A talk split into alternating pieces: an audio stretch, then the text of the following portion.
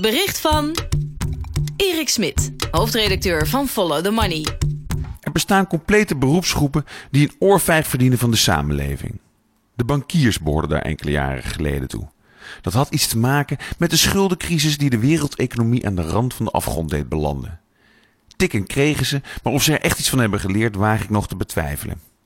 In Nederland behoren levensverzekeraars ook tot zo'n beroepsgroep. Dat heeft te maken met de woekerpolissen die deze mensen vele jaren aan de man brachten. Meer dan twintig jaar nadat de misstand bekend werd, is het probleem nog steeds niet uit de wereld. De beroepsgroep der accountants verdient ook een schrobbering en misschien wel meer dan de bankiers en de verzekeraars.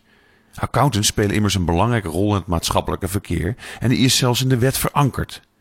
Maar de ooit zo hoog gewaardeerde bonentellers maken er al jaren een potje van.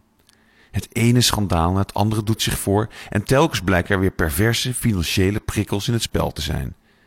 Het erg is dat ook deze beroepsgroep zo hardleers is. Vorige week publiceerde toezichthouder Autoriteit Financiële Markten, de AFM, een uiterst pijnlijk rapport over de toestand in deze sector.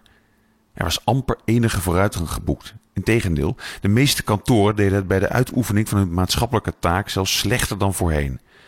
Ik vraag me dan ook af wat er nog moet gebeuren voordat accountants echt gaan snappen dat het anders moet.